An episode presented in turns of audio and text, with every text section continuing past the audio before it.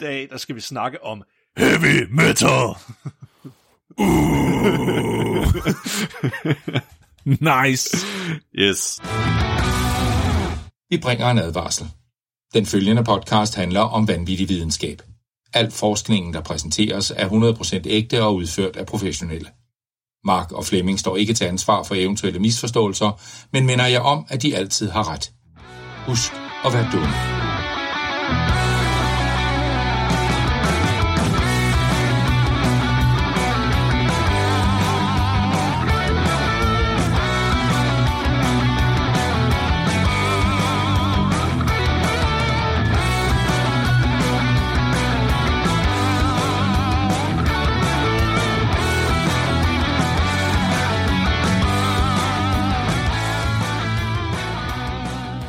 Og velkommen til Videnskabeligt Udfordret. Podcasten, hvor at vi taler om videnskab, der er ud over det sædvanligt tilstrækkelige. Jeg er i dag jeres vært, Flemming. Og jeg er søndebukken for samfundets moralske forfald, Nikolaj. det har jeg jo altid tænkt på dig som værende. Du må ikke bede mig om at gentage det, men der var noget med en søndebuk og forfald. Uh... Nikolaj, Ja, det er os to alene i, en, i et afsnit. igen igen. Har vi gjort det før? Ja, med nød og næppe, tror jeg. Er det rigtigt? Hvad, hvad var det, handlede det afsnit om? Vi snakker om kreationisme sidste gang. Nå ja, det er rigtigt faktisk ikke så længe siden. Mm. Jeg tænker længere tilbage. Jeg kan Nå. huske, at vi engang... En... Nå nej, men det var ikke os to. Nej. Det er helt mærkeligt at optage uden Mark. Ja, hvad fanden var det sidste gang, da det bare var os to? Vi snak, der, var, der var et tidspunkt, hvor du snakkede om øh, hønseklunker, hvor det kun var os to. Åh, oh, okay. Ja. Så, det, det, så i dag, der skal vi også tale om høns. Nej, nej, desværre Flemming. Det er ikke det, vi skal snakke om i dag. I dag, der skal vi snakke om heavy metal. nice. Yes. Åh, oh, Nikolaj. Ja, så i dag, Altså sådan... ja, fuck. Så i, i dag der vil jeg snakke om heavy metal, eller bare metalmusik. Så specifikt så vil jeg prøve at besvare, om det har en positiv eller negativ effekt på mennesker. Og lige herinde, vi går i gang, så vil jeg gerne lige øh, snakke lidt med dig, Flemming, om, hvad, øh, hvad er heavy metal egentlig? Jamen, det her er sådan heavy metal. Okay, så... Det kommer nok an på, hvem du spørger. Ja, lige præcis. Altså, jeg, kan jo, jeg elsker jo metal. Det er musik, der larmer rigtig meget, hvor folk de råber. Jeg ved egentlig ikke, hvad definitionen af heavy metal er. Altså, Det er noget musik, der er måske er lidt surt og lidt mere gang i. Ja, altså det er sådan lidt, altså en af de artikler i, i dag, jeg har med egentlig, der beskriver det som om, at det er højt, det er tungt, nogle gange kaotisk, og øh, hvad kan man sige, meget intense vokaler. Og så de lyriske temaer, altså hvad der er i sangteksten, det er som regel meget mørke temaer, så alt lige fra ensomhed til mor, depression, selvmord, krig, alle mulige mørke og dystre temaer, egentlig, som regel, som regel. Som regel. Ja, nogle, der er selvfølgelig altid undtagelser. Nogle gange handler de også om at party eller feste, eller ja, sex, drugs and rock and roll. Jeg sad lige og prøvede at lede efter et eksempel på noget, der ikke var sådan, men jeg kan ikke. Det kan du ikke Finde umiddelbart. Nå. Jeg synes, øh, det, er fedt, det er fedt, når det bliver sådan meta, og et band godt ved, at det er det, metal handler om. Så det bliver sådan noget ligesom Death Clock. Åh, oh, ja, okay, ja, okay. Ja, de godt ved, at, at, at der er sådan en, ja, er det lidt ironisk, man, man prøver på at være så macho og så brutal, og i virkeligheden, der bliver det bare sådan over the top og komisk, når man ja. Prøver så meget med det. Mumier, der e- ejakulerer ild. Men Nikolaj, hvad er dit forhold til metal? Ja, men jamen, tak fordi du spørger. Jamen, jeg er også, altså, jeg definerer mig selv som en, øh, en såkaldt metalhead, plejer man at kalde, eller kalder man det i hvert fald inden Så for det. der, du har bare, Nikolaj han har bare langt, kulsort hår. og så virkelig sådan, spiller på en guitar som, ja, en, en gud. Åh, det, det, Flemming. det, og, så, når- og så når han tager løst hår, så lyder det endnu vildere. ja, det forbedrer tonen automatisk. Ja. Nej, så, så jeg ser mig selv som tilhænger af, ja, jeg, el, jeg elsker, øh, ja, metalmusik, eller ekstrem musik, afhængig af, hvordan man selv vil kalde det egentlig. Det, Så du er sådan en headbanger. ja, øh, eller, ja, der er mange, de kalder det en metalhead, eller hvad, ja. inden for det. Og Jeg, jeg, jeg identificerer mig også som metalhead. Mm. Det her afsnit, det bliver det omvendte af kreationisme-afsnittet, kan jeg fornemme. Ja, ja, det, ja muligvis, muligvis, muligvis. Det kommer, det kommer vi til. Det kommer vi til. Okay, ja. Um, ja. Hvad, hvad, hvad, hvad for noget metal hører du egentlig? Oh, nu bliver jeg nysgerrig. Altså, det, det er meget bredt. Det er meget bredt, Flemming. Altså, det er lige for det, du- er, ja. er lige for det klassiske øh, hele vej. Jeg er undtagen, jeg, jeg holder mig så vidt som muligt væk fra ting, der som sagt har Cookie Monster vokaler, for det har jeg nogensinde rigtig været fan af. Nej. Der er kun én undtagelse, jeg gør med det, og det er et melodisk dødsmetalband, der hedder Children of Bodom. De er undtagelsen. Det er det eneste, jeg vil høre, hvor der er er vokaler. Men det er fordi, de er det er fordi melodierne, de har, det er så fucking godt, at jeg kan tolerere alle vokalerne. Den okay, eneste grund. Alt det andet, det er så hjernedødt godt, at så ignorerer jeg bare vokalerne. Okay, fair nok.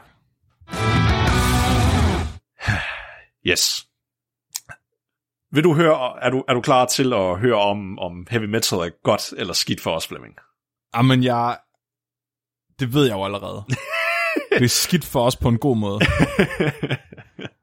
Så, et af de fundamentale sandheder omkring menneskets natur, er, at vi altid har brug for en søndebuk. Det vil sige, at vi kan give skylden for vores problemer, i stedet for selv at fikse dem, eller selv erkende, at vi er årsagen til dem.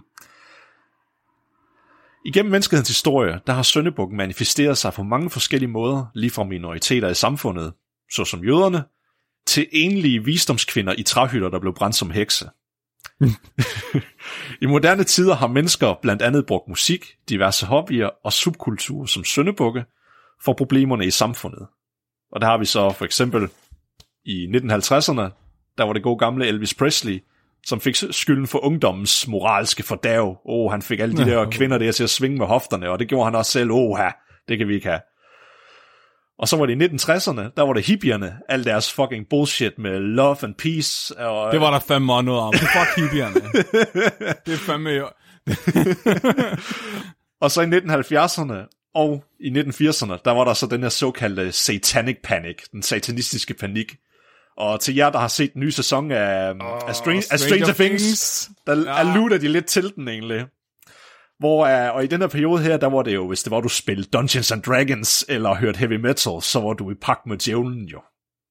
Altså, det, altså de her musikken og så Dungeons and Dragons, det blev set som satanistiske værktøjer til at fordave ungdommen på de tidspunkter. Det er det fedeste. Det var bare den bedste marketingkampagne for Dungeons and Dragons nogensinde. Ja.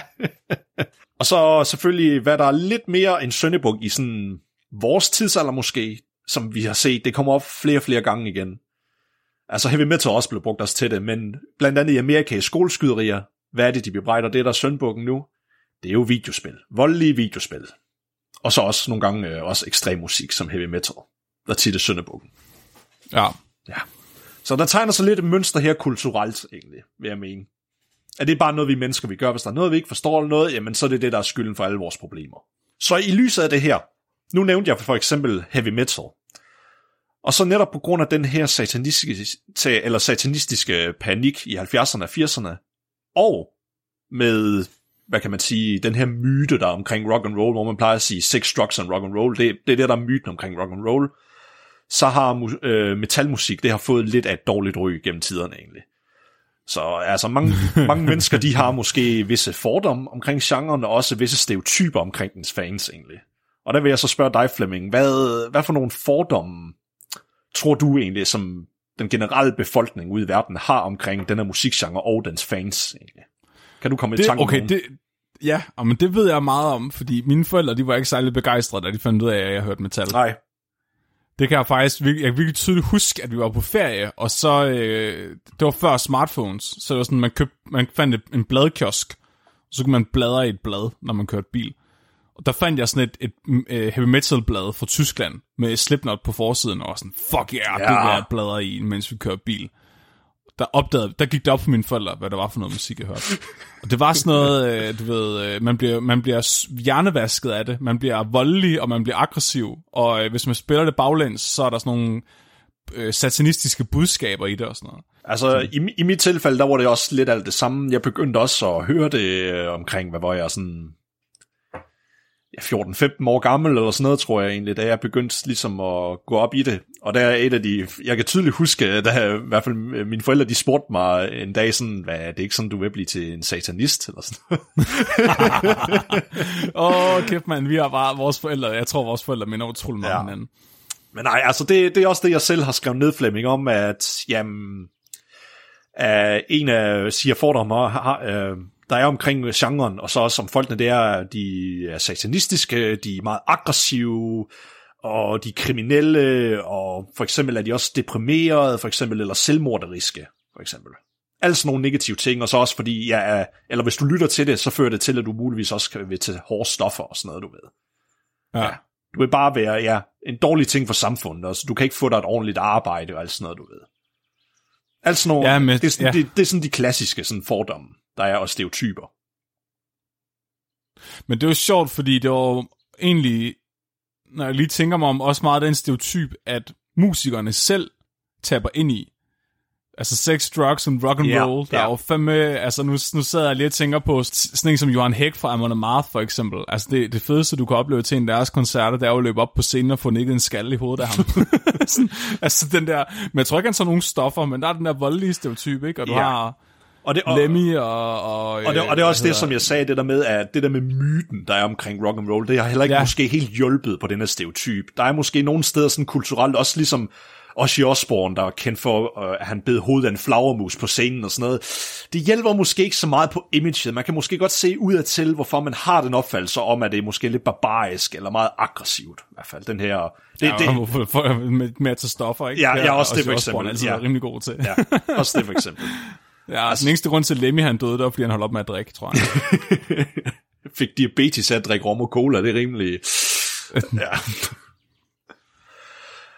Nej, så for ligesom at besvare, om nogle, øh, om nogle af de her fordomme, de sådan er rigtige, eller i hvert fald berettigede, så har jeg så læst nogle forskellige studier og artikler til i dag. Så primært der vil jeg fokusere på, øh, på to påstande omkring øh, metalmusik.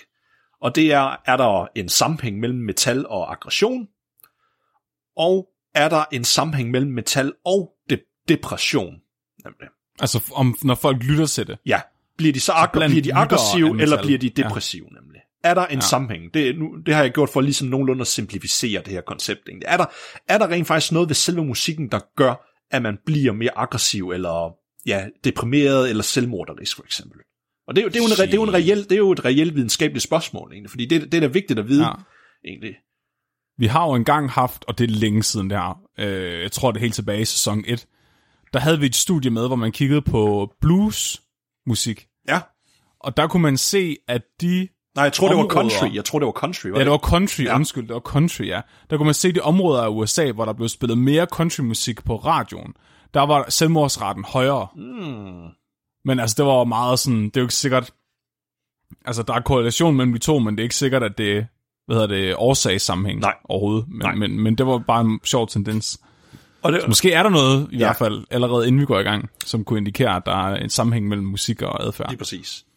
Og på grund af, at ligesom, der, der var meget af den her panik omkring det i 80'erne, det, det blev kun ved med at stige og stige og stige, altså den her panik, i hvert fald især over Amerika, men mange forældre, de var bekymrede for deres børn, altså hvad betød, altså med de troede, at, at ja, de ville begynde at blive stofmisbrugere eller kriminelle, at hvis de lyttede til den her musik. Og det var så var der også nogle forskere, specifikt psykologer, der begyndte at studere det her fænomen, eller, eller mere teknisk set, det er ikke bare en genre i sig selv i musik. Uh, metal er faktisk også en subkultur. Så, sådan, så det er en kultur inden i en vestlig kultur. Det er det, man mener oh. med en subkultur egentlig.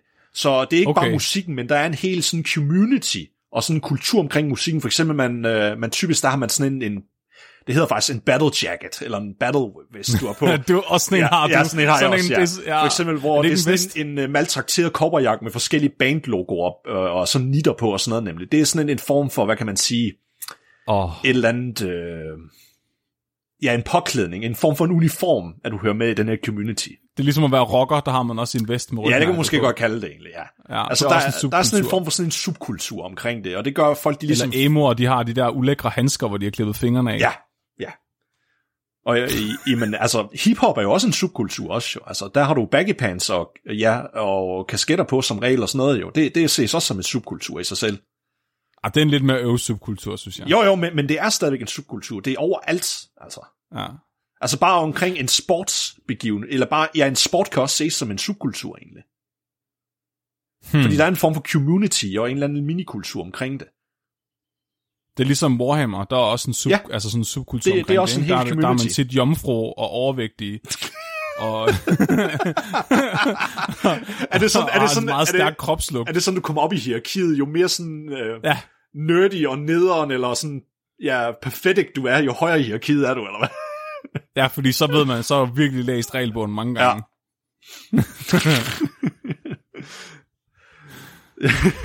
du vidste lige min train of thought, Flemming. Altså, og det er kun, man, jeg må kun sige sådan noget, fordi jeg selv leger med Warhammer. Ja, det er rigtigt. Det er det samme med, at man må kun, det er kun tykke, der må gøre grin med tykke, for eksempel. Præcis. Ja. Nå. Fuck dig, Nick. Nu kører vi videre. Oh, Okay, ja. Nå, ja. Tilbage til det seriøse. Så øh, der var, ja, som sagt, der var forskere, der begyndte at kigge på det her tilbage, faktisk helt tilbage i 70'erne, begyndte de at, at, at finde, om der var, hvad effekten var af at lytte til det, de nye øh, former for mm, sådan aggressiv musik, der begyndte at komme ud i, i hvert fald i første omgang, der var, der var det jo punkmusik, der kom ud i 70'erne. Og så fra punkmusik, der begyndte der så at komme heavy metal, og gennem det fik vi flere og flere af de andre sådan moderne, mere ekstreme genrer, der kom. Og nogle af de første studier, der var lavet, de tød på, at de var faktisk rimelig farvet af den offentlige mening omkring det på det tidspunkt. Så man, lavede videnskabelige studier allerede dengang om heavy metal. Ja, i hvert fald det er fra 80'erne, okay. Okay. nogle af dem, jeg har fundet. Ja, ja. Nå, Og når du læser dem, der virker de sådan, de er ikke særlig videnskabelige, de virker meget farvet af, hvad er, den, hvad er befolkningens mening omkring heavy metal musik. Så det er ligesom kønsstudier i dag. Ja, faktisk lidt egentlig. Og det, og det viser bare, at selv videnskabsfolk kan godt være farvet af deres egen kultur til en vis grad. I hver- hvert fald inden for psykologi ja. i hvert fald. Det, det har vi også set før med homoseksualitet. Hvor det før, i, tiden, hvor før i tiden er det så som en, en uh, sindslidelse. Jo. Men så tror jeg også, der er i naturvidenskab. Altså hvis du, hvis du får indsendt en artikel, der påviser en hypotese, du selv har, Mm. så tror jeg, du er mindre hård ved deres data, Helt bestemt, helt bestemt. end hvis, hvis det er en hypotese, øh, der, der, hvad hedder det, eller noget, der ikke passer på den hypotese. Så tror jeg, du går mere hårdt, mere kritisk til deres data. Ja. Altså, jeg vil så sige, at nu om dagen er vi blevet bedre til at eliminere bias i hvert fald. Som Nej. regel i hvert fald. Vi blevet bedre til at være lidt mere kritisk på det, har vi set flere tendenser til det i hvert fald. ja. Men så, på det, så, så den første artikel, jeg har med her, den hedder The Presumption of Influence, Recent Responses to Popular Music Subcultures, og den er fra 1991. Så det her studie her, der ville de, en af deres hovedpunkter, det var, at de ville finde ud af, okay, hvis vi går hen og snakker med nogle, nogle psykiatere på et hospital, øh, og beskriver det her kunstige scenarie med, at vi øh, har en, øh, en søn, som der hører heavy metal, vil de så sige, at han har brug for hjælp, for eksempel. Mm. Så de kontaktede, der var af 12 af de her institutioner, der beskæftiger sig med sådan øh, unge, pro, ja, altså sådan adolescent øh, care programs, altså så, så teenager, der for eksempel er i vanskelighed eller har problemer eller sådan noget. Og så ville øh, en af forskerne, han ville udgive sig for at være en bekymrende far, og ringe til dem og så forklare, hvad problemet var. ja, yes. Så de, ja, så de var, sny- jeg prøvede på at se, om de kunne snyde dem egentlig, en eller anden form for en prank. Fuck, det er, videns, det er videnskab, ja. det her. Ej, jeg elsker det. Ja. Så nu vil jeg lige læse op for dig øh, øh, på engelsk, hvad det var, de ville sige øh, fra deres manuskript hver gang til, øh, til lærerne. Mm-hmm. Så de vil ringe mig op, og så vil han sige, My son John has me worried. He's 15, and in the last year or so, he started listening to that heavy metal music, music and I'm concerned. I've been reading in the paper about kids listening to that music and how influential it is. He wears his hair very strange. It's spiked and lined with unnatural colors. He doesn't wear the clothes my wife buys him. Instead, he wears ragged jeans, t-shirts with skulls and stuff on them, and a leather jacket and often black wristbands with studs on them. He really looks like a bum. His room is a mess, and the walls are covered with these awful looking posters. I'm sure he's not taking any drugs and drinking because it's, his schoolwork is fine, and he's there every day. He doesn't seem depressed, and he's not violent or suicidal like all the reports say he should be. When I ask him about his appearance and choice of music, he just says, Everyone at school dresses that way and listens to the same music. But when he brings his friends over, it's like having a bunch of weirdos in the house. They just sit in his room listening to that music, and I've heard some of the songs. They really are about suicide and the devil and all that. I'm really worried about him. I think he needs help to get his head straight and get away from his friends. Hvordan, hvordan, øh, hvordan tror du, at, at, at psykiatere på det tidspunkt, at de svarer på det? I 90, 91. Ja, altså de, ja, så lige i slutningen af 80'erne, så studiet har nok lavet lidt før måske, lige i slutningen af 80'erne og starten af 90'erne. Og de kontaktede 12 af de her institutioner i Amerika. Specifikt i Kalifornien. Åh, oh, det er et godt spørgsmål. Fordi det er alligevel ikke så længe siden. Nej, det er det faktisk ikke. Altså, jeg er født i 94, ikke? Så det... Men det er sjovt, det de beskriver, det lyder mere som en punker for mig, end det lyder som en metalhead. Altså læg mærke til, de sørgede for i den her at pointere, han tager ikke stoffer, han er ikke voldelig, han er ikke depressiv, han er ikke selvmorderisk, han får god karakter i skolen, og han passer skolen. Det eneste er, det er kun musikken, han lytter til, er der problemet. Oh, de er, jeg ved, jeg har lyst til at sige, at de nok var ligeglade, men der er et eller andet, der, men der må, de må alligevel have sagt noget andet, tænker jeg, når du, når du spørger mig.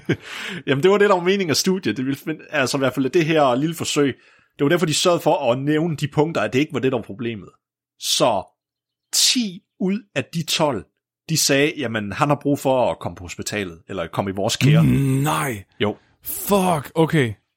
Okay. Shit, mand. I 91? Yes. 10 ud af 12 psykiater synes, at en person, der hører metalmusik og går i metalhead-tøj, Ja. men ellers klarer sig Klarer sig fantastisk, fint. Han, er, han, indlægges. han irriterer ikke nogen, er ikke til far for nogen som helst, eller nogen af hans omgivelser. Ja. Jeg, virkelig, jeg havde virkelig lyst til at tage en tidsmaskine og, og tage de her psykiater med til nutiden, og så vise dem TikTok og Instagram, og hvad der foregår derinde. Mm. Hvordan 11-årige piger bare står og twerker og seksualiserer sig selv inde på TikTok. og sådan... Nej, okay, fint. Ja, øh, fortsæt. Ja, så det, det, fordi så, så begyndte de jo at spørge lidt en til det sådan her, hvorfor er det, er det, han skal på hospitalet? Hvorfor mener han skal det? Han har jo ikke nogen... Øh, øh, pro, altså, fordi de mente jo... Eller, undskyld, nej, den tager vi lige igen. Så, det, så de endte så med at spørge en til, jamen, hvorfor er det, I mener, han skal på hospitalet? Og så sagde de, jamen, det er nok fordi, det er en indikation på, at han er stofmisbruger. Det var det, det var det første ting, de alle sammen sagde, og så, så sagde øh, ham, der udgav sig som faren for, jamen han tager ikke stoffer. Ah, men det gør han højst sandsynligt, når han er med i det her, og det her musik er et kult, er et form for et kult øh, ting, oh, nemlig. Det, det er jo racial profiling, det der. Ja, en form for det.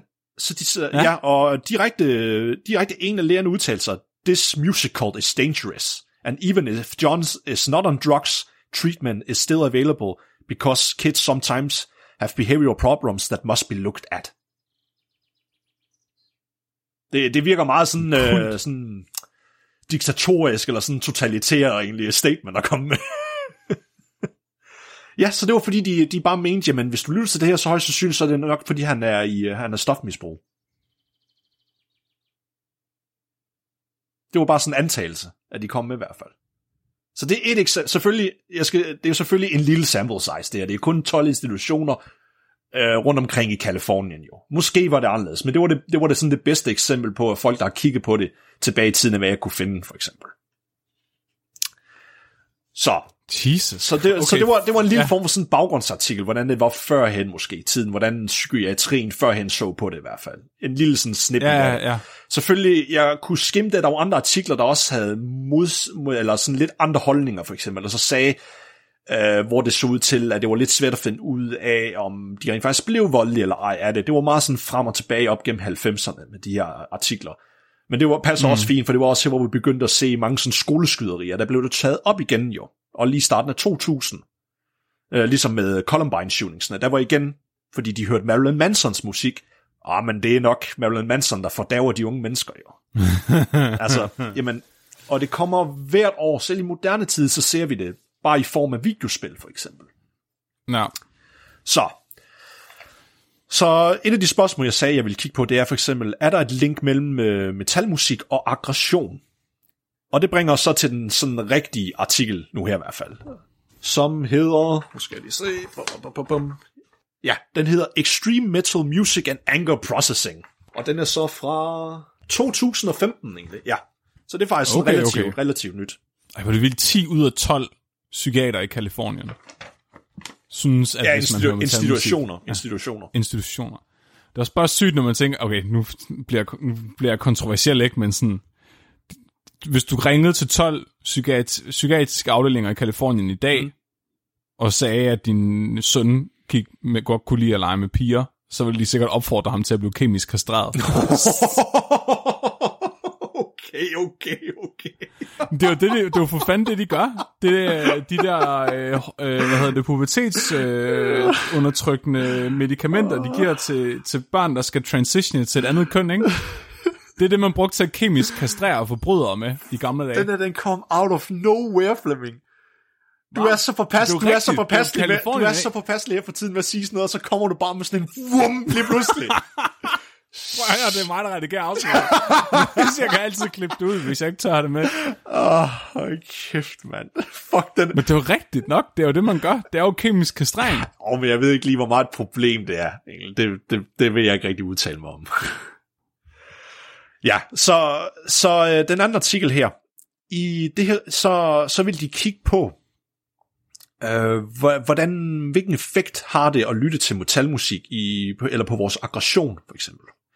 Øh, er det med til at processere vrede måske, eller kan det også være, det forøger vores vrede, hvis der vi lytter til det? Hvordan er sådan dynamikken? Så for ligesom at undersøge det her, så tog de 39 ekstremmusiklyttere, hvor 72% af dem var mænd, og det kan jeg måske ikke bebrejde den. Lad os bare sige, at metalmusik som regel er en meget sådan mandsdomineret musikgenre. Det har det næsten ja. altid været. Det blev bedre i moderne tider, men som regel er det meget mandsdomineret. Så det er en okay fordeling med 72 mænd.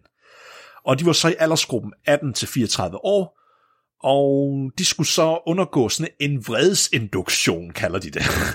Uh. Efterfulgt af sådan en uh, random assignment til 10 minutter er at høre til ekstremmusik fra deres egen playliste, eller 10 minutters stillhed som kontrol. Med stillheden, så kan man jo høre stemmerne, Nikolaj. Ah nej, ah nej. Så skal du bare gøre noget voldeligt, så drukner det stemmerne ud. Nå ja, det er sådan der. Det, det, det er ligesom den der joke, det med, har du, øh, hvor de siger, at øh, men, øh, jeg bliver ved med at høre stemmerne, og de bliver ved med at fortælle mig ting at gøre, men så ignorerer jeg dem bare, så fortsætter jeg med at slå ihjel. det, er det, jeg får, det er det, jeg får at vide, jeg skal gøre. Jeg skal ignorere stemmerne.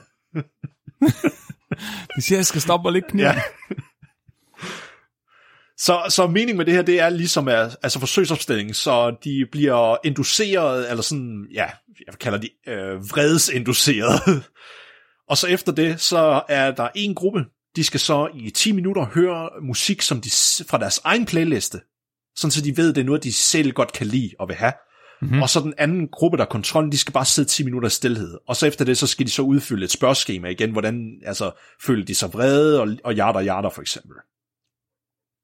Så det, det er sådan pretty much det, der er deres forsøgsopstilling. Det er et godt... Ja.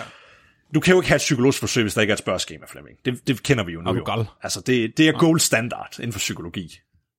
Og sociologi. Så for ligesom at rekruttere dem her, så lavede de sådan set øh, reklamer, hvor de bare søgte deltagere rundt omkring på et universitet. Og så sagde de så selvfølgelig, at for at du kan deltage, så skal du i hvert fald kunne lide en eller flere af de her ekstreme genrer af, mu- af musik, såsom heavy metal, punk, hardcore, screamo, og minimum høre til dem 50% af tiden, du vælger at høre musik. Er det, okay, så jeg synes stadig, det er sjovt, de kalder det ekstrem musik. Det er deres tekniske term, egentlig. Det er, jo, det er jo nok fordi, okay, hvis man siger mainstream musik, så er det her jo et af ekstremerne, fordi det ikke er mainstream.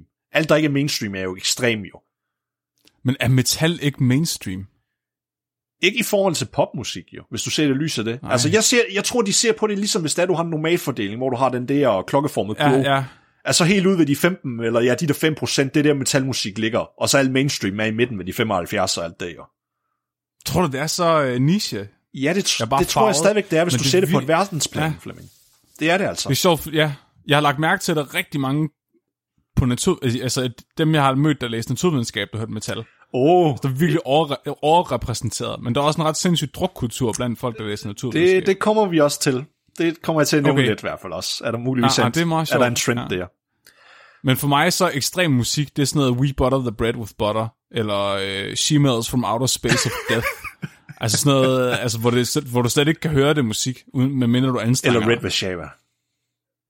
Ej, det- ah, Ah, Red, Red Vashava, det transcenderer. Det transcenderer Ja. musik. Ja, det er bare Det, kunst. det er et fænomen i sig selv. Ja. Der ikke, der ikke skal eller kan forstås. Det er bare... Det, det, er ligesom, det er ligesom Jordan Peterson kalder det, det er et metafysisk substrat. Hvad det så end betyder. Nå. så ja, så de skulle, øh, det, det var et krav, at de skulle høre sådan øh, 50% af tiden, hvor de valgte at høre musik, der skulle det så være en, en af de her ekstreme musikgenre, for eksempel. Og når individerne så de øh, bekræftede, at de gerne ville deltage, så blev de spurgt, om de ville bringe deres eget sådan øh, personlige musik øh, øh, afspilningsapparat, så hvad end det måtte være på det her tidspunkt, det er jo så, det var højst sandsynligt, ja, deres telefon eller lignende. Så det skulle de tage med til laboratoriet. Ja. Og øh, som tak for at deltage, så vil de få en 10 dollars iTunes, iTunes voucher. Uh, Uh, ja. 10 dollars på iTunes. Altså for, for studerende, 10 dollars, det kan være forskel mellem liv og død måske. Ja. Ah, 2015. Var der nogen, der brugte iTunes? Ah, det, Hey. Køb musik. Hey, var det, var hey, det gør jeg. Shit i?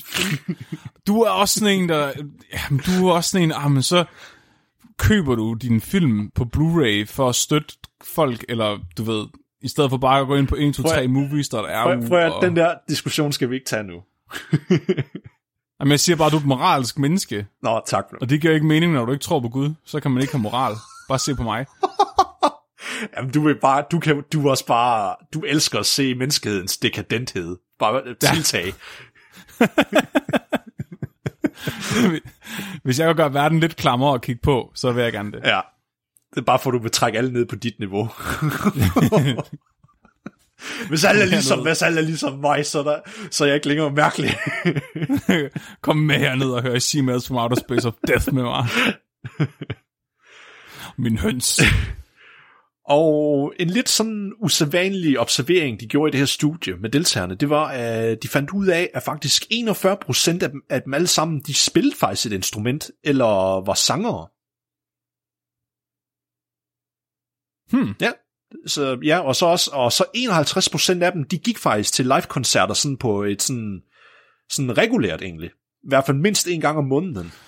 Okay, det er ret vildt. Så de er meget engagerede i Ja. deres musik. Ja. Og så 44% af dem, de komponerede musik, og 23% af dem, de øh, var folk, der lærte andre omkring musik, så det var musiklærer, for eksempel. Det passer meget godt på os, ikke? At du er rigtig god til at spille musik, og jeg er rigtig god til at undervise i musik. Så jeg underviser jo i harmonika. Mm, ja. Yeah. Du gør i hvert fald lidt andet med den harmonika. Dem, der ikke kan, må, må undervise. Ja. Er det ikke sådan? ja, okay, ja, ja, okay. Det Er tror, det jeg, ikke det, man siger? det tror jeg ikke lige, du skal sige til uh, professor på universitet. Det er, da, det er da et ordsprog, er det ikke det? jo, jo, det er det der med, at tho- those who, who, who do, do, and those who can't teach, eller sådan noget, tror jeg, den kører med. Ja. Okay. Så, så, så de laver sådan nogle forskellige spørgeskemaer, men samtidig også, så det er jo ikke bare nok med spørgeskemaer, vi skal jo have lidt mere hård data, ikke, Flemming? Så de målte faktisk også deres hjerterytme. Mm. Ja. Som, så, så selvfølgelig, al, vi alle sammen, vi har sådan en anderledes space, øh, ja, hvor mange slag vores hjerte slår i minuttet. Hvis det er, du er mere fedt, så tror jeg, at din hvilepuls, den er som regel, den er lavere, og hvis det er, du er overvægtig og i god form, så er den som regel lidt højere. Så det tog de højde for ved at lave sådan en baseline read, de kunne sådan nulstille alle resultaterne ud fra. Det gjorde de for alle deltagerne. Mm. Og selvfølgelig, det er ikke mange deltagere en sample size, det er kun 39, faktisk så var det 40, men en af dem, der kunne de ikke bruge dataen, han udblev. De for, siger ikke hvorfor, men Hans hjerte var for underligt. måske. Det kan være, at han ikke havde noget hjerte. Og blandt andet en af de her test her, det er selvfølgelig sådan en uh, personal questionnaire, hvor uh, de har uh, Øhm, de har en masse forskellige ord, og hver af de ord her, den bliver de bedt om, at de skal rate fra en skala til 1 til 5, hvor den ene den er very likely, og den anden den er unlikely. Så det kan være, at et af ordene det er for eksempel øhm, irritabel, eller hostile, guilty, eller inspired, eller infused, infused ja, entusiastisk, for eksempel. Mm-hmm. Altså nogle ord. Og den skal de lave inden forsøget i gang, går i gang, lige efter, at de har fået den der induktion af, af vrede, og så til allersidst, efter de har lyttet til musikken. Og den der vredesinduktion eller irritation, den består så i, at de for eksempel beder dem om at tænke på et eller andet øjeblik, der har gjort dem pisse af, eller et eller andet traumatisk øjeblik i deres liv for eksempel og så stiller de spørgsmål relateret til det, og, og de refererer til sådan fem andre artikler, hvor det her det ses som en rimelig god standard at gøre folk vrede. De siger, at det kan opnås kun inden for bare 10 minutters interview. så man vil bare at pisse dem af med interviewet? Ja, ja, så de, stiller alt, de, de beder dem jo for eksempel om, hvad, kan du tænke på et øjeblik, hvor du virkelig var, var aggressiv eller vred egentlig, et eller andet minde. Og så bringer de det op, og så stiller de måske spørgsmål, der får det til at lave sådan en feedback, der bare gør dem mere vrede måske. Mm. Så det tager cirka sådan... Jeg spørger ind til hændelsen, eller hvad? Eller sådan. Ja, måske kunne jeg forestille mig. De går ikke mere dybt, men det er åbenbart sådan... Så, fordi så kan de se hjerterytmen begynder at gå op, sådan så de primer dem jo. Så ved de cirka inden for 10 minutter, ah, nu er der i hvert fald noget, fordi som regel så forbinder man jo vrede med, at du får en højere hjerterytme, og sved og din temperatur går også op under aggression i hvert fald. Selvfølgelig, det gør den også, hvis det er, at du er bange, så det er derfor, de havde de her spørgsmål, for ligesom også kan spørge dem, er det fordi, du føler dig vred nu? ja, så, så de kommer sådan pretty much det hele, samtidig med, at de også måler deres... Uh, ja, deres kan, kan du, uh, Nikolaj, kan du komme i tanke om uh, noget, hvor du var virkelig, virkelig vred? Mm, kreationisme. Du, det er sjovt, fordi du slår mig ikke som typen, der sådan bliver vred. Det, du er sådan det, meget det, rolig. Måske hører du forklaringen senere i dag med de her studier, måske. Ja, fordi jeg forestiller mig mere, at sådan, der hvor andre mennesker var blevet vred, så bliver du mere bare sådan, hvor jeg, hvor jeg har jeg dog ondt af dig. de, de, de ynkelige skabninger. Tror du bare, jeg er sådan en pretentious gentleman, der så sådan, jeg forstår mig ikke på de fattige. Hvad siger de her? Hvad siger de? Du, du er bare hævet over, øh, hævet over vores abeinstinkter. Du sidder deroppe i toppen af artisttræet sammen med Richard Dawkins og kaster afføring ned på alle de andre aber. Nej, det er bare ulækkert. No. Det får jeg, det har jeg Kom, folk til at gøre for mig, Flemming. Det, nå, Og kaste mig, ja. Jeg skal til at sige, det er mere klart, når du kastet på. ja, det, det kan du selvfølgelig ret i. Uh, yes. Så, uh, skal lige se igen, må komme jeg til. Så, hvad tror du umiddelbart, at de fandt ud af det her studie, Flemming? Jeg tror, at folk, der hører heavy metal, bliver en lille smule mere ophidset og aggressiv af at høre det. Ja. End som at høre stillhed. Okay. Så, du er nogenlunde inde på det rigtige, egentlig. Er det? Ish. Okay. så, uh, det var fordi, der var ikke lige noget, der lige gav mening i mine noter, synes jeg. Nå. De, de fandt så ud af, okay, så lige snart når de har induceret dem, at de bliver, sådan så de bliver vrede, så beder de dem om, jamen vælg en sang på din playlist, og så lyt til den i 10 minutter. Og så observerede de, at som regel, de har faktisk noteret alle de musikvalg, de har lavet, egentlig, og alle genrerne, hvad for nogle sange, de har valgt, for eksempel. Det har de, lavet, de har lavet en hel liste, der hedder Song Analysis, hvor de finder ud af, hvor, hvor høj er uh, beats per minute, altså hvor hurtig er sangen, om det matcher deres hjerterytme, for eksempel. Sådan, så okay. jo mere vred du er, vil du også vælge en sang, der går mere hurtigt for eksempel. Der matcher din aggression. Og det, Fuck, så skal man godt nok være hissig for at høre Dragon Forge, eller hvad det, de hedder. Ja, så tror du ved at, sådan, at eksplodere, eller sådan noget egentlig. Ja. Og de ser, og de ser faktisk, at det er sådan, der ser ud til at være en tendens til, at de matcher musikken med deres aggressionsniveau. Men så lige snart, når de hører for det, så falder deres, deres puls hurtigt igen, og så begynder de at slappe af. Når de hører musikken? Ja, når de hører musikken, så falder den rimelig hurtigt. Nå, nå selvom de vælger noget, der matcher sådan det niveau, de føler, øh, at deres aggression passer med. Nå, og okay, dem, okay, og dem, der okay, sidder i stillhed, ja. der falder den næsten ikke egentlig. Den fald, selvfølgelig, selvfølgelig de... falder den over tid, men overhovedet ikke øh, signifikant i forhold til, hvad den gør, når de får lov til at høre det musik, de selv har valgt. Det er sjovt. Så når, i, når man sidder med stillheden, så sidder man bare virkelig at koge over, dengang man Ja, bliver sur. du får ikke, altså de siger, at det ser ud som om, at, at musikken er det, der kalder cathartic, altså sådan terapeutisk. Det er en måde ligesom at få afløb for sin øh, aggression på. Så de siger det, ja, så det er sådan en måde at stimulere på, så hvis det er du er vred, så hører du noget, der er lige så vredt som dig selv, og så på den mm. måde, så regulerer du dine følelser egentlig, og kommer ud med dem.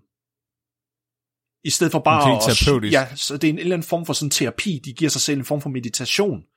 Og det, og det er ikke det samme, der sker, hvis du bare, stiller i, hvis du bare sidder i stillhed. Nej, så sidder man bare og kører Ja, ja. samtalen igennem sit hoved. Fuck, dengang Mark han sagde, høns, de var dumme. Ja. Og jeg så bare overhovedet ikke vidste, hvad jeg skulle sige, men sådan, hvis, jeg, hvis han gjorde det igen, så havde jeg sagt sådan og sådan og sådan. Og sådan. Den, den gang, hvor jeg blev ydmyget ind i en retssag, ja. fordi jeg sagde, at tomatsuppe, det er ikke suppe. Uh, jeg skulle bare huske at sige, dengang jeg sagde det med Hitlermad, så skulle jeg lige have nævnt Stalin også, så havde jeg vundet. Fordi alle ved, at tomater har samme farve som kommunisme. Prøv at se, hvordan det gik, folkens. Og allerede her, så har de jo sådan set allerede besvaret deres eget spørgsmål, at det ser ud som om, at jamen, deres puls og deres aggression, den stiger ikke. Fordi i, i deres spørgeskema, der ser det også ud som om, jamen, de føler, at de bliver afslappet, når de lytter til det. De, føles, de, føles, de øh, synes selv, at det føles terapeutisk, og de føler bare, at de får det bedre af det. Og de spurgte dem også senere hen, for eksempel, jamen, hvad så hvis det er, du er ked af det, hører du så sørgelig musik? Så sagde de, ja, det gjorde de også egentlig, for ligesom at få afløb for deres øh, frustrationer, eller deres følelser. egentlig. Er det derfor, man bliver mindre aggressiv? Altså, hvis man nu går virkelig dårligt, hvis man har haft en rigtig dårlig dag på arbejdet, Mm. og man er virkelig, virkelig sur, når man kommer hjem, hvis man så bare går ind og råber af sine børn, så får man det bedre bagefter. Fordi så har man, du ved, afløb. Du får det måske bedre, men jeg tror ikke, dine børn får det lige så godt. Men, men, mindre, men mindre du er fra Vestjylland. så de er bare skabt til at blive råbt af. Ja, ja, så er det bare sådan, du hærder dem. Det er det, det er det eneste tidspunkt, de får en pause fra at gå og, og hyppe kartoflerne. Det er, når de og Ja. råbe sig, og, så kan de og, sidde så, der. Og senere hen i livet, så spørger de så deres far, hvorfor gjorde du det her mod mig? "Ah, Du burde takke mig. I made you into a monster. You fear nothing now, son. det er bare, så får de jo en pause for det hårde arbejde. ja, det er rigtigt, Altså, det er rigtigt.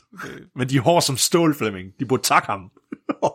Ja, bare se på Mark. ja, Mark han er, Han har jo virkelig bare lavet vestjysk muld. Mark er en betonpæl. En urokkelig sten. Han er stoic. Jeg tror ikke, der er nogen, der har råbt af Mark. Han har råbt af dem.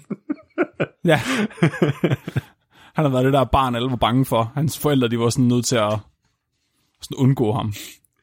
Og skubbe maden ind under døren. Men det sjove er, at de nævner faktisk i den her artikel, øh, for ligesom at understøtte deres resultater, at man har først set tidligere i et studie tilbage der i, øh, i omkring 90'erne, hvor man også havde en idé om, at det muligvis var sådan terapeutisk effekten.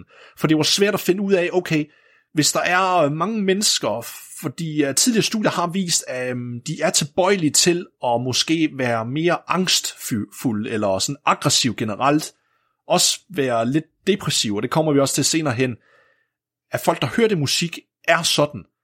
Men det var svært at finde ud af, jamen, er det fordi musikken tiltrækker folk, der allerede udviser de her personlighedstræk, eller frembringer musikken det? Det er det, man ikke har vidst nemlig.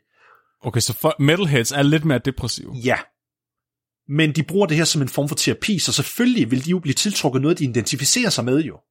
Det er jo ikke urealistisk, det ser vi hele tiden jo. Kan vide, om det er derfor, at man sådan altid, når man har den der svære teenageperiode, det er der, man opdager metal. Det er lige præcis det, der mange bruger som forklaring. Du er en teenager. Hvis du føler dig lidt som en outsider, du har ikke så mange Ja. steder, du hører til, så vil du måske gå til nogle af de her subkulturer, hvor du føler dig lidt til, og samtidig med, hvis du er sådan, selvfølgelig alle teenager har en eller anden form for angst. Det følger lidt ligesom med at være teenager jo. Så du ved ikke, hvad Ja, fanden ja, du er ja. endnu, og dine hormoner er ved at gå crazy. Altså, så selvfølgelig har, øh, er, der, er det ikke usædvanligt, at folk vil søge hen efter det her, og hvis, det ikke, og hvis metalmusik fandtes, så ville det nok bare være noget andet jo, man gjorde i stedet for. Nikolaj, vi lærer, vi lærer så meget om os selv i dag. Ja, Hører Mark, ja, det er lige godt, for man ikke aner, hvad for noget musik Mark han hører. jeg tror Mark han hører meget blandet egentlig. Jeg ved, det kommer an på, hvor deprimeret han var som teenager. Var han mere eller mindre deprimeret end os? Men det kræver at han har følelser. Ah, Tror du, han hører blandet musik? Hvad betyder det? Du bliver nødt, det er ikke særlig spicy. Hvad hører jeg han? tror i hvert fald ikke, Mark hører, hører jazz eller klassisk musik i hvert fald. Jeg tror, han er sådan en prinsøs en, der hører klassisk musik en gang imellem. Hvordan kan han det, når han ikke har forståelse for, for poesi? Men jeg tror bare, det er, fordi han sådan ved... Han faker er det, sådan, eller hvad? Jamen, jeg tror, han er sådan en, du ved, intelligente mennesker hører det her, så gør det også, mens jeg lige pipetterer. Jeg tror, Mark... Han, Eller også er det en helt anden grøft, og så hører han sådan noget Britney Spears Ah. og Rasmus Sebak. Ja. Han må næsten skjule det, fordi oh, vi ved... Vi, det kan være, han bare sidder og hører hvad han børnesang. hører. Han, han sidder bare og hører børnesang. Ja. Det kan komme i kongen boble. det gør han. han. Det må helt sikkert være noget, han skammer sig over, fordi vi to, vi er ikke i tvivl om, hvad hinanden hører musik. Nej. Vi snakker tit om musik sammen, men, men Mark nævner det aldrig, men Mark han snakker heller ikke særlig meget. Nej, det er selvfølgelig rigtigt. Men, ja, men det med, at sådan, Mark bliver snakket til. Jeg tror, han hører børnemusik, der var ret i. Det hører han fra nu af. Det er canon om Mark. Det er canon. Det Ja. kommer op på hjemmesiden nu som information. Ja. Hans biografi.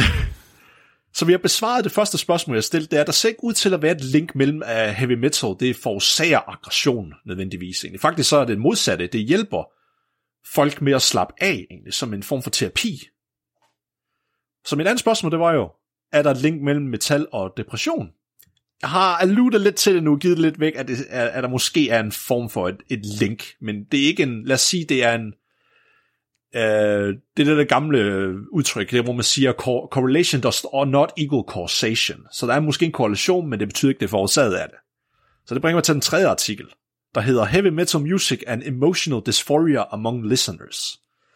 Så her der kigger de på 551 øh, folk, studerende fra det, der hedder Community College. Det er sådan et college, som alderen mere kan gå på over i Amerika egentlig. I øh, Los Angeles. Mhm. Hvor det var sådan, ja, nogenlunde ja, sådan 50-50 fordelt mellem mænd og kvinder, og også mellem øh, forskellige raser, egentlig. Altså med folk, der identificerer sig som hvide, øh, hispanic og asiatisk. Øh, dog var der ikke særlig mange, øh, ja, der var afroamerikanere eller native americans. Øh... Åh ja. Øh, og så deres sådan model, altså den optimale aldersgruppe, de vil kigge på det jo, fordi de vil jo helst se sådan i teenager. Det er jo her, hvor man ser det fænomen mest jo, så det var, deres goal, det var 19, at de sikkert var 19 år gamle. Og, eller, ja, eller, eller 21 til 8. Ja, ja, e- ja, 21, ja 21,8 år, det var deres sådan uh, mean age. Okay, Ja. ja, ja. Og størstedelen af prøverne var nogenlunde inden for det egentlig. Altså, der var en range lige fra 18 år til 57. Men størstedelen, de var omkring de her 22 år gamle. Unge mennesker. Ja, sådan unge mennesker. Og så deres resultater, de indikerede så, at hvis man kontrollerer for alder og køn, så er lyttere af metalmusik, de, er signifikant, de har signifikant højere angst sammenlignet med ikke-metallyttere. det, det, det kan jeg relatere til. Mm. Okay, Og de har også signifikant højere depression. okay. Men de to grupper, der var ikke signifikant forskel mellem, hvor vrede de var. Altså, hvor meget vredesproblemer de har. Altså mellem folk, der lytter okay. til det og ikke lytter til det. Så det er ængstlige, depressive mennesker, som også Ja. hører metal. Altså selvfølgelig, når de siger signifikant, ikke så sure. jeg, jeg har set p-værdien, den er, præ, den er præcis 0,05. Så det er kun lige, du ved, Ah, at de lige har ah, fået data, der viser det, at, at det er signifikant. Det er lige fjernet en enkelt outlier fra spørgeskemaet. Ja, vi sagde faktisk, der sådan var ni cases, de blev nødt til at delete. Det er en, det er en Det er p-hacking. passer deres data Det er ikke. p-hacking. Hold kæft, mand. Det er ligesom, øhm, det er ligesom med tomatsuppe, ikke? Mm. Du kan se, hvis man spørger folk, om de synes tomatsuppe er mad, så dem, der svarer ja, de er som regel psykopater. Ja, Øh, og der er jo spørgsmålet jo så, bliver man psykopat af at spise tomatsuppe? Eller er det bare psykopater, der tror på, at vand kan være suppe? U- uanset hvad, hvad svaret er, Flemming, så vil jeg stadigvæk sige til dig, hvis du mener, at, at der er en eller anden form for psykopati for, forbundet med det, så kan jeg bare sige, jamen, i en sindssyg verden, der må en normal mand jo være, eller der må en sindssyg mand jo være normal. Det er jo det, altså, og det er jo flertallet lige nu, der Ja. er psykopater, der synes tomatsuppe Ja. er mad. Så uanset hvad, så har vi ret, og du tager fejl. Og fordi jeg er minoriteten. Jamen, så derfor så tager du fejl per default. Det forstår. Fuck, du har ret. Men jeg tror, jeg holder stadig på, at vi har om, altså to forskellige ting at gøre her. Så jeg tror, man bliver psykopat af at spise tomatsuppe, men jeg tror ikke, man bliver ængstelig af at høre metal. Nej, okay. Det, det er også det, som forfatterne nogenlunde ser ud til at køre med. Altså, de, det, de kan ikke rigtig konkludere, at det forårsager det. Der er ikke noget, der tyder på det. De refererer også til, til, de samme, altså til mange af de samme, øh, eller til nogle studier, der minder lidt om den anden artikel, øh, jeg lige nævnte, eller snakker om før. Om at de kan ikke rigtig pinpoint, om det forårsager det. det. Altså, det ser umiddelbart ud som om, at det er mere, fordi det tiltrækker mennesker, der allerede er sådan. Og øh, de finder faktisk også, at... Øh, alder og køn, det var også fundet ud, eller, eller det er også associeret med, øhm, øh, åh, oh, nej, vent lidt. Åh oh, ja, ja, ja, de så, at jo yngre at deltagerne var, øh, så havde de en tendens til at være højere i angst, for eksempel. Og øh, mellem mænd og kvinder, så havde kvinderne faktisk højere angst af dem, der lyttede til metal. Hmm. Ja. Det var faktisk sådan lidt, ja, usædvanlig sådan observation. Men det giver vel mening, jo yngre du er, jo tættere er du på teenagefasen, selvom den yngste, det var 18 år gammel. Men så er du stadigvæk tættere på det der hormonhelvede jo, så det giver vel sådan okay mening. Ja, også bare, når du bliver ældre, så lærer du bare... Så lærer du dig at give lidt op. Du bliver, Så er der ikke så meget at være ængstelig over. Du har ikke noget at tabe, fordi du er ligeglad. Flemming, du bliver følelsesmæssigt moden. Du bliver følelsesmæssigt afstumpet. du kan ikke mærke. Du bliver banket, du bliver banket ud af dig af samfundet. Ja, du lærer, du lærer at kapsle det ind i dig selv og ikke føle Ja. det. Bare håb, Så du aldrig nogensinde vil føle dig lige så levende, som dengang du var Ja. teenager igen. bare håb det helt op af folkens. Bare, Ja. I skal lukke alle ja. følelser ind, al vred aggression, I skal ikke få afløb for det. Bare, bare lukke det op i en lille sort boks inde i jer selv. Og så, Conceal, don't feel. Ja. og så håb på, at den ikke brister en dag, sådan, når du bare er ude og handle ude i et supermarked, sådan tilfældigt. Åh oh, nej. Too soon. Too Så soon. kommer, det, så, det... så kommer det til at blive ligesom øh, der i, øh, i den første Kingsman, end derinde i kirken. Åh, Gud. Møder med, Det er derfor, det er smart. Det er, ja. Men det skal lige siges, der er faktisk øh, en form for, jeg ved, ikke, jeg ved ikke, om jeg vil kalde det problem i, det, i den her artikel, fordi alle de resultater, de var jo selvrapporterede jo. Så det er ikke fordi, de havde fået en ekspert mm. til at vurdere, om de var depressiv eller angst. Det var selv, hvad de synes, de selv havde jo. Og man har jo lidt tendens til måske at overvurdere lidt, hvor slemt man måske har det. Kunne jeg forestille mig. Det kan være et bej. Ja. ja, hvis man identificerer sig lidt med at være sådan lidt. ja. Lidt ligesom Billie Eilish for eksempel. ja. Det var, det var min første moderne joke, jeg nogensinde har lavet på den podcast, det jeg tror jeg. Am, er hun ikke allerede? Jo, hun er allerede gammel, men jeg prøvede okay. Jeg ved slet ikke, hvad der er moderne lige nu. Jeg har givet op. Men de skriver faktisk, Flemming, øh, at til sidst i deres diskussion, It may be that the high-pitched and, sh- and shrill screams paired with subject matter predominantly focused on the emotional pain and loss, which often characterize the hardcore and screamo subgenres, speak to the cathartic effects of heavy metal. Så de indikerer også selv, at jamen, det kan godt være, at der måske er en tendens til, at de er mere depressive og har angst, dem der lytter til det, men det, det er ikke nødvendigvis et problem, at de så hører heavy metal, fordi det har måske en terapeutisk effekt egentlig. Det er en måde på, at de kan få afløb for deres frustrationer og følelser egentlig. Så det faktisk kan være, at det måske er godt for dem egentlig. Mm. Men så kommer så spørgsmålet så, Flemming. Vi har kun kigget på de korte effekter af at lytte til heavy metal. Hvad er langtidseffekterne? Det vil man lig- ligesom, ligesom noget, der er giftigt. Noget, der er giftigt i et, et stof ude i naturen, så må det her, det, var, det er jo giftigt for sjælen jo, siger de jo. Du kan bare, Ja. Prøv at kigge på Ozzy Osbourne. Lige præcis. Hvad er langtidseffekterne for ham egentlig? Prøv lige at se, hvad han har overlevet. Altså, det er fuldstændig sindssygt. Han bliver udødelig. Han er bevaret i sprit og stoffer jo. Det er sindssygt. Ja, jamen, altså... Mumif- det, man bliver mumificeret. Ens sjæl bliver mumificeret, konserveret. Så det bringer os til den sidste artikel, jeg har med nu. Så vi er lige ved at være der, folkens. Der hedder Three Decades Later, The Life Experiences and Midlife Functioning of 1980s Heavy Metal Groupies, Musicians and Fans. Uh. Yes.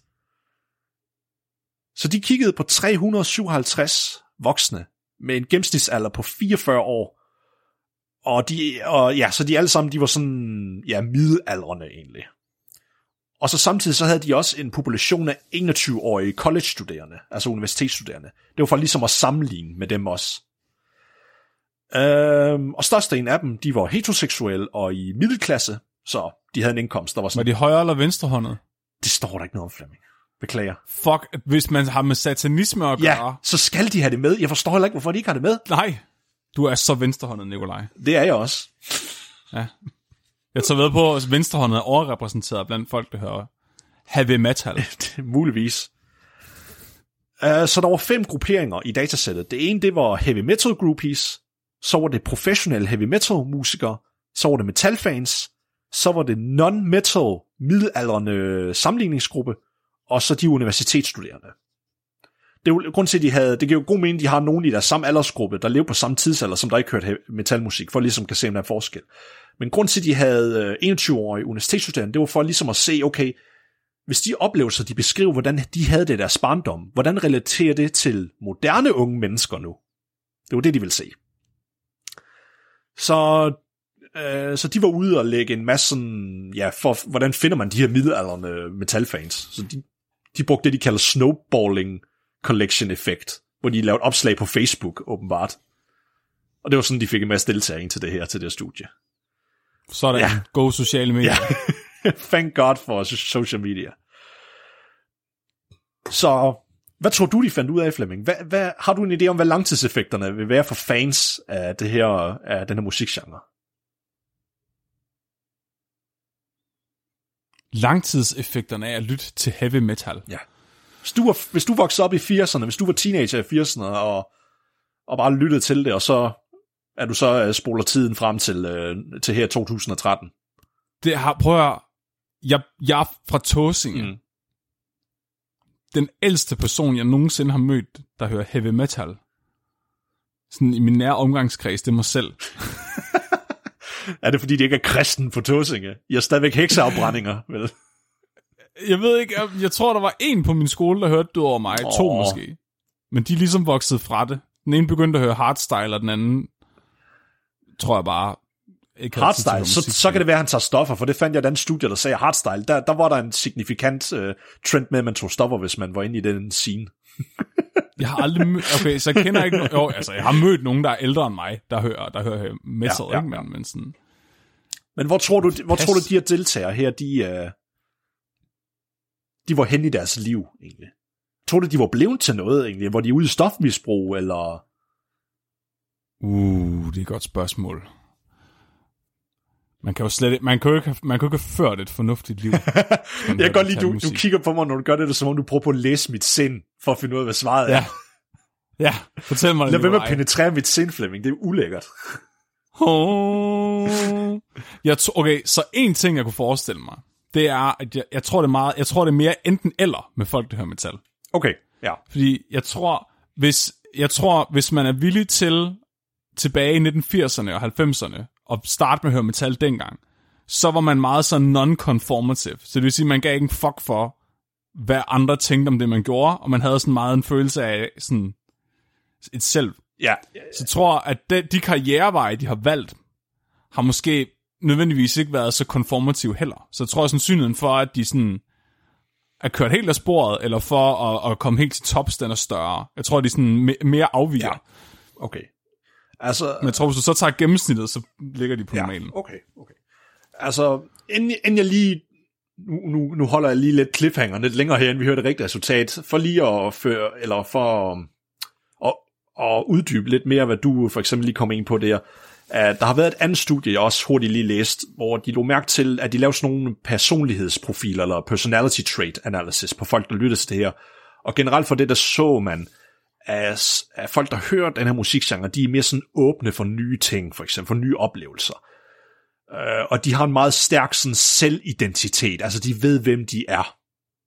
Og de har accepteret det, du ved, og sådan noget nemlig, men de er meget entusiastiske for, for nye ting og nye oplevelser, og de er også meget sådan deterministiske, altså de ved, hvad de vil i livet og sætter sig for det, men mange af dem så også ud til at være øh, meget videnskabelige, altså var inde i sådan STEM fields eller et eller andet, eller var intelligente i hvert fald. Og det er ja. sjovt. Det er virkelig underligt, hvorfor man ser det. Jamen, det var bare, hvad de har lagt mærke til, egentlig, i deres, ja. Og så, men selvfølgelig, så havde de også meget, de, de var ikke så glade for autoriteter, egentlig. Og det passer jo lidt med, sådan, rock and roll er sådan rebelsk jo, egentlig. Attitude, så Det så, det så de også, og generelt var de ikke så glade for autoriteter. De havde i hvert fald meget mistro over for autoriteter som regel, egentlig. Kæft, ja. mand. Så kan jeg vide, om folk, der hører vores podcast, så også oftere hører metal, end folk, der ikke kan hører, sgu ikke. end folk... Jeg tror, det er meget forskelligt. Altså, nu, nu skal vi også passe på, at bare fordi, nu ser vi det jo med meget stort bias, ønsker vi bare, at folk de er det, fordi vi selv er det jo. Altså. Jeg tror, hvis du, se- jeg Nej, tror, bare jeg tror, hvis du ser det på et virkelig stort plan, så tror jeg, at det er meget tæt på at være normal fordeling. egentlig. Eller, Jeg vil gerne vide, om der er nogen, der hører den her podcast, som elsker sådan noget TV2 Charlie-musik. Sådan noget øh, top, dansk top. se, det, det er fandens musik. Sådan, som sådan bare helhjertet elsker det, og sådan stort set kun hører det. Ikke bare sådan for sjov. Hvis du findes, så skriv lige til os. Så, Jeg vil gerne studere dig. er du klar til konklusionen, Flemming? Ja, Fra resultaterne, der kunne de se, at metalentusiaster, de ofte havde oplevet et eller andet traumatisk eller sådan risky sex, sex drugs and rock and roll liv, havde de ofte levet. Men den her metalhead identitet, den virkede også som en form for sådan beskyttende faktor mod negative oplevelser. Eller outcomes, skriver de. Så de var, de var signifikant lykkeligere i deres ungdom, og de var bedre tilpasset øh, i deres nuværende liv, end, end de tilsvarende midalderne mænd, der ikke hørte metal. Uh. Så deres mentale og finansielle tilstand, den var bedre nu, end dem, som der ikke havde hørt metal i deres ungdom. Så til alle jer, der hører podcasten derude, det er primært unge mennesker, tror jeg. I kan stadig nå, og hvis I ikke hører metal, at komme på sporet her. Start med noget... Øh, hvad skal de starte med? Det ved jeg ikke. Disturbed, eller Korn, eller Marilyn Manson, og så begynder lige så stille og roligt sådan at dyppe tæerne i noget af det klassiske. sådan noget rigtig gammelmandsmetal, sådan noget Motorhead og Black Sabbath, og så, så kan I begynde at høre Septic Flesh til sidst. Det er bare navnene. Det var det der med, at du sagde, at forhåbentlig har det en form for selvironi med det navn. Septic Flesh, Jeg tror godt, jeg, De er faktisk- jeg tror godt, de ved godt selv, det er lidt ridiculous. det ved jeg det faktisk tror jeg, de gør. Det må de gøre. De er, okay, så det vilde med Septic Flesh, ikke? det er, at de er latterligt dygtige. De, har, de er fra, jeg mener, de er fra Grækenland, og de, er sådan, de, fle, de fleste af medlemmerne i det bands er sådan trænet inden for klassisk musik. Mm. Så sådan, de har en operasanger med, der laver deres growling, og sådan, de spiller med sådan, de har lavet et helt album sammen med et symfoniorkester. Men det passer også fint med det der med, at med studierne, der også viste, at som regel, dem, der er virkelig hardcore fans, de faktisk også selv er musikere, egentlig. Hmm. Fordi de har en eller anden værdsættelse for teknikaliteten, der er inde over det i hvert fald, ser det ud til. Men lige, sådan, lige afslutningsvis, så vil jeg lige have det sidste af deres konklusioner med. Så de skriver for eksempel, at hvis det er, at du deltager i den her French-style-kultur, eller den her subkultur, så vil det måske sådan forbedre udviklingen af din identitet, hvis det er, at du har en meget sådan, øh, hvad kan man sige, sådan problematisk barndom måske. Så det er en god coping-mekanisme. Bearbejde din angst. Og de okay. siger også, at, at fansene, de var generelt, så var de øh, signifikant mindre øh, sandsynlige for, at de begik selvmord, eller havde sex i en tidligere alder. Det var der, det var Det der mindre chance Kan jeg for. fandme også identificere mig med. Jeg troede, det var på grund af mit Warhammer, men der kan man bare se. Jeg er så helt Sig fejl. det til dine forældre. Ja. Og de, de siger også, at, at de var mindre sandsynlige, eller der var mindre sandsynlighed for, at de faktisk missede arbejde på grund af sådan fysiske eller mentale helbredsproblemer som voksne. Så det går mod den der stereotyp med, at de er bare dogne, de vil ikke arbejde, eller sådan noget nemlig. Nej, det er faktisk modsat, egentlig. Ser det ud til. Hmm. Uh, og de siger, og Du de, kan heller ikke de miste siger, dit arbejde, hvis du ikke arbejder. Nej, det er selvfølgelig rigtigt. De siger, de siger også, at det her det går imod, hvad, hvad den tidligere litteratur har sagt.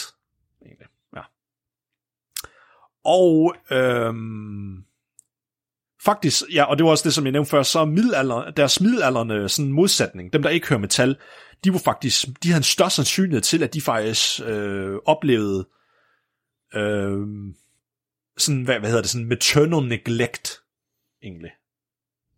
Ved ikke, hvad- Moderlig, moderligt svigt. Ja. Og så, og så vil de opsøge sådan psykologisk hjælp, for eksempel. Og de var rapporteret til at have mindre lykkelige øh, oplevelser, mens de voksede op i 80'erne. Det var dem, der ikke hørte metal. Okay, så hvis man blev omsorgsvigtet af sin mor i 80'erne, ja. så hørte man ikke metal. Men hvis man blev omsorgsvigtet af sin far i 80'erne, så hørte man metal. ja, det, det, er sådan, det, det er lidt kringlet skrevet af dem egentlig. Okay. Ja, og de siger så til, til sidst, at de her øh, resultater, de, de indikerer, at de her subkulturer, de måske kan tiltrække sådan problematiske øh, unge mennesker, øh, som der måske sådan har lidt sådan, ja, de skriver risky behaviors. Det kan måske være, at de sådan er lidt inde i sådan en øh, drug scene, eller sådan noget, eller et eller andet, ja, du ved, sex, drug and rock and roll, som de skrev før. Men det kan måske også virke som en kobe, eller sådan beskyttende effekt, og en form for sådan kinship, altså din del af en community, hvor de ligesom kan sådan mm. holde fast og have en identitet, de kan udvikle. At de ikke bare bliver udstødt af samfundet og, og ender med at gå ind i kriminalitet, fordi de bare hader samfundet, fordi samfundet ikke kan lide dem, for eksempel. Så kan de finde et, et fællesskab. Ja. Og det var, hvad jeg havde i dag omkring metalmusik.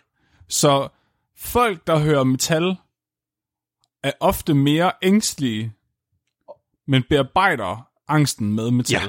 Og det er højst sandsynligt ikke metallen, der giver dem angst, men de finder metalmusik, fordi de netop er lidt Ja, fordi de identificerer sig med koncepterne i musikken.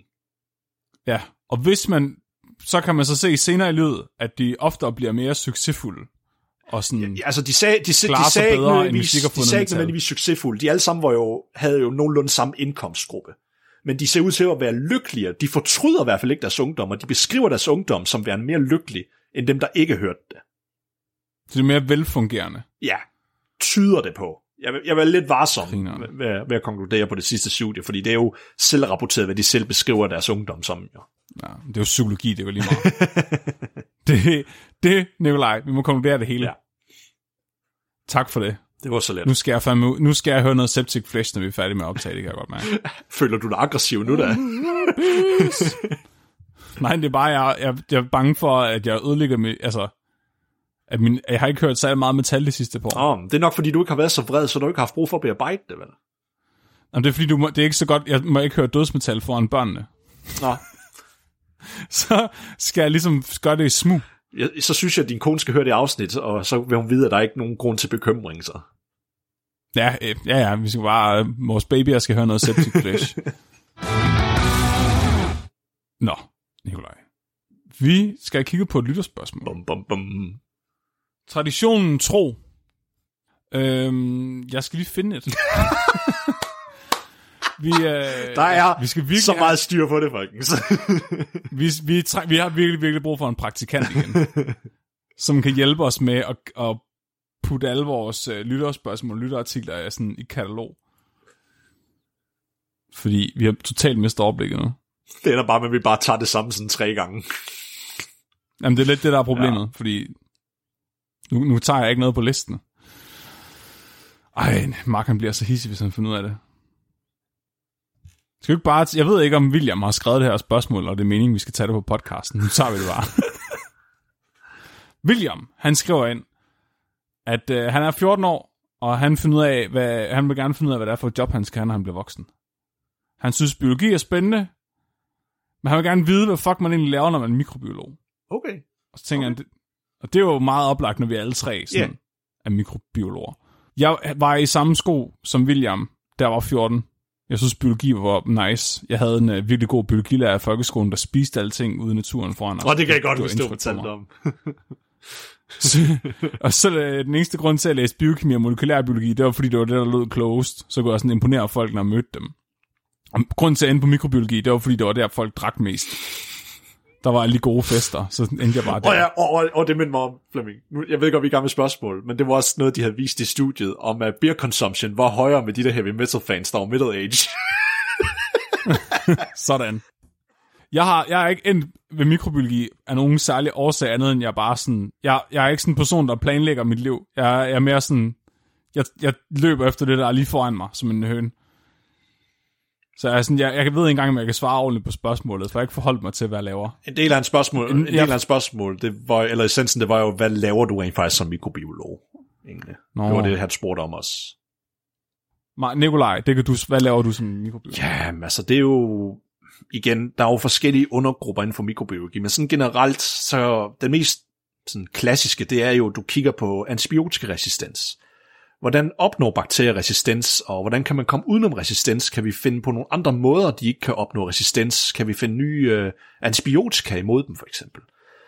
Øh, og så studerer man bare generelt de mest fundamentale mekanismer ind i dem, fordi jo mere vi ved om bakterierne, jo bedre kan vi bekæmpe dem jo. Altså, det er, ja, det er i hvert fald, hvis man kigger på det sådan medicinsk, mm. ikke? Fordi der er jo, det er jo vildt bredt. Så for det første, så er der to forskellige måder, du bliver mikrobiolog på. Tre, faktisk. Så du kan være læge, mm. Og specialisere dig i klinisk mikrobiologi. Altså infektionssygdomme mm. og sådan noget.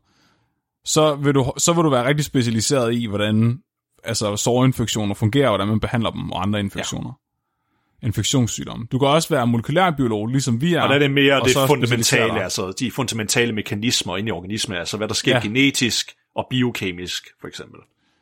Så det er sådan noget grundforskning ja. i, hvordan fuck fungerer bakterier egentlig, fordi det ja. aner vi ikke. Uh, vi ved en lille smule, hvordan E. coli virker, men ellers er vi totalt på bare bund, og de er fucking underlige bakterier. Og så er der så, ø- og så, og så er det økologi, eller hvad du tænker der den sidste? Ja, så er der biologer, ja. som så specialiserer sig i mikrobiologi. De kigger så ofte op på altså, bakterier i økosystemer. Mm. Altså, hvordan de samarbejder med hinanden og med planter og dyr og sådan noget. Ja. Så det er sådan ikke lige så nørdet, som den molekylærbiolog laver, men det kan det også ja. godt være. Så det er jo lidt sjovt, fordi vi er faktisk hoppet på hver vores gren af de tre. Så Mark han sidder over med biologerne og kigger på, hvordan rodbakterier fungerer sammen med træer og sådan noget. Og kigger på, hvordan bakterier arbejder ja, sammen. Faktisk, faktisk, hvordan kan vi forbedre sådan jord egentlig, eller i stedet for at bruge, øh, ja, hvad hedder det, fertilizer, øh, gødning. Er det ikke primært det, mener ja. jeg, hvis lige husker rigtigt? Jeg ved det ikke rigtigt. Men han bruger meget mikroskoper. Ja. Så sådan helt konkret, han sidder og genmodificerer dem, så de lyser i alle mulige mærkelige farver, og maler dem, og sidder og tager alle mulige vanvittige 3D-billeder af dem og sådan noget, for computeren til at tælle dem. Og jeg skal højst sandsynligt over til nogle læger nu, og kigge på nogle infektioner i blod og i sår og sådan noget, og prøve at bruge bioinf- Jeg skal overhovedet ikke i laboratoriet, jeg laver bioinformatik, så jeg sidder og programmerer og kigger på genomdata og ser, om jeg kan finde nogle sammenhæng i ja. det. Og du sidder så over hos molekylærbiologerne. Ja, og jeg kigger sådan mere de fundamentale sådan, mekanismer, altså hvordan regulerer de der gener, altså hvad er det, der gør dem til det, de er, for eksempel. Hvordan fungerer de fundamentalt? Er mere det, jeg, er mere det, det jeg noget... kigger på, for eksempel. Og jeg, og jeg, og jeg går, og jeg går, ja, det er nok mere sådan klassisk, arbejde. ja, moderne, klassisk mikrobiologi, hvor jeg ser på øh, adfærden og ja, fundamentalt i organismen, men så samtidig så går jeg også i laboratoriet også egentlig. Og meget af det, det er mere sådan grundforskning. Og det er det fede ved at være mikrobiolog i forhold til almindelig biolog. Fordi hvis du er almindelig biolog, så følger du efter ting og prikker til dem. Det er det, det, er det eneste, du må. Som mikrobiolog, der er overhovedet ikke noget etisk her. Du må torturere ja. bakterier på alle mulige seje Bakterier har ikke nogen rettigheder. Ja, og det er derfor, måske det er derfor, vi har det lidt hårdt med biologer. Fordi vi altid bliver sammenlignet med biologer. Men vi må alle de sjove ting, som biologer ikke må. Vi må virkelig tage, der er ikke noget etik Jeg vil fandme gerne se, hvis det var, der var en, der foreslog en forskning, hvor der står, hvad sker der, hvis der vi fjerner armen på en panda? Det er måske lidt tilsvarende, hvis når du fjerner gen i bakterier.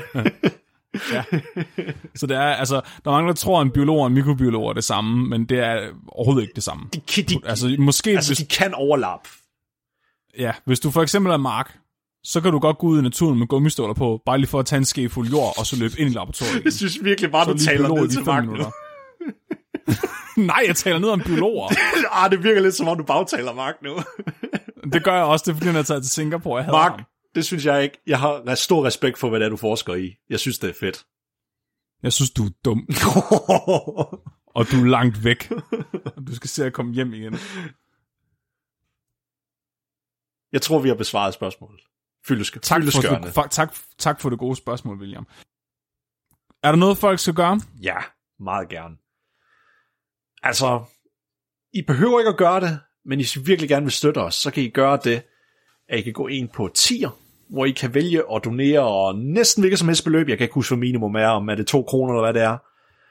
At I kan donere til os for hvert afsnit, vi lægger op. Og de penge, de går så fra alt mellem himmel og jord, altså til, at jeg kan få høje ned i mit bur, til optagelsesudstyr til den her podcast, og muligvis i fremtiden, at vi skal ud og rejse ud et sted og så optage noget, nemlig, hvis det stadigvæk er en realitet, men det ved vi ikke endnu jo. Uh. Uh, der, så I, der, der fik jeg lige en lille smule teaser der backstage, om noget, der måske bliver en realitet. at vi skal på ud, udflugt med Flemming. jeg ved ikke engang, hvad du snakker om, men jeg tror, det bliver godt. for de her penge, de her to kroner om øh, ugen, så kan I simpelthen få adgang til nøgenbilleder af mine fødder. Med og uden neglelak, og med og uden høns. I kan også få adgang til øh, øh, vores Discord, hvor vi øh, deler alle mulige gode memes, og sidder og optager live næsten, ja, som regel om onsdagen, ja. men det har vi ikke været så gode til nu her, fordi Mark ikke er hjemme. Så der har vi spillet harmonika i stedet for. Nikolaj, næste uges afsnit. Ja. Det kommer højst sandsynligt til at handle om folk, der fryser hinanden og sig selv ned, og deres mødre, for at kunne tøse op i fremtiden og leve for evigt. Okay. Cryogenics, Nice. Ne- og om hvordan det startede i USA med en mand og hans garage og nogle døde børn. er Walt Disney med i episoden? Det kan, ja. Yes! Yes! det er en af mine yndlingskonspirationsteorier. Dig og øh, jeg tænker, at vi bør prøve at samle os alle tre til det afsnit, fordi jeg har meget store forventninger til det afsnit. okay, fantastisk. Det glæder jeg mig til, Flemming. Har du en dyrefakt, Nikolaj? Den geologiske eller evolutionære tid, der er mellem Tyrannosaur, eller der er mellem Tyrannosaurus rex og så for eksempel Allosaurus, den er større end den tid, der er gået fra dinosaurerne uddøde til os nu. Det er fucked. Det er bare for at vise, hvor lang tid dinosaurerne faktisk har været på jorden. Det har også taget lang tid at skabe den juvel, der hedder hønnen. Ja, det er the magnum opus evolutionen. Det er fandme, der skal noget evolutionær tid til at perfektionere dinosaurusen så meget. Tusind tak for i dag, Nikolaj. Mit navn er Flemming. Og mit navn er Nikolaj. Du er blevet videnskabeligt udfordret. Husk at være dum.